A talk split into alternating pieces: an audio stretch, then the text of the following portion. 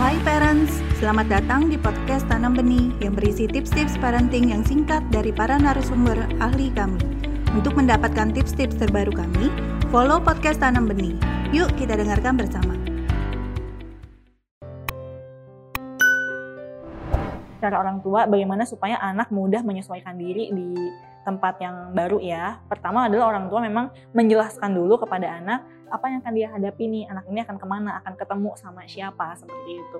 Karena kalau misalnya beri salam sama orang uh, orang lain itu bisa ada dua sisi. Satu kita juga mesti berhati-hati jangan sampai anak terlalu ramah sama orang lain karena dia juga mesti paham yang namanya stranger danger kayak gitu maksudnya gimana dia menjaga diri dari orang-orang yang dia nggak kenal gitu biasanya dia paham mengenai stranger danger ini dengan melihat respon dari orang tuanya kalau misalnya orang tuanya oh sama uh, dengan orang baru ini terlihat bersahabat, terlihat mau berkenalan gitu. Biasanya anak merasa oh ini orang yang aman untuk bergaul dengan dia kayak gitu. Tapi sementara kalau orang tuanya juga menjaga jarak dan maksudnya nggak berinteraksi dengan orang itu, nah anak juga cenderung eh, nggak uh, berinteraksi sama orang ini.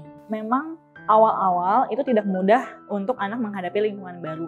Jadi memang mesti dibiasakan kayak gitu. Jadi orang tua bisa menjelaskan apa yang akan dihadapi oleh anak. Lalu misalnya beberapa kali ngajak anak ke tempat yang berbeda-beda seperti itu.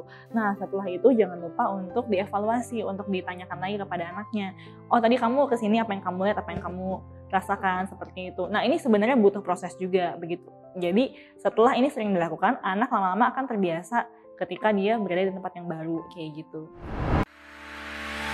Terima kasih telah mendengarkan podcast Tanam Benih. Jangan lupa follow podcast Tanam Benih. Tidak pernah ada kata terlambat loh untuk belajar.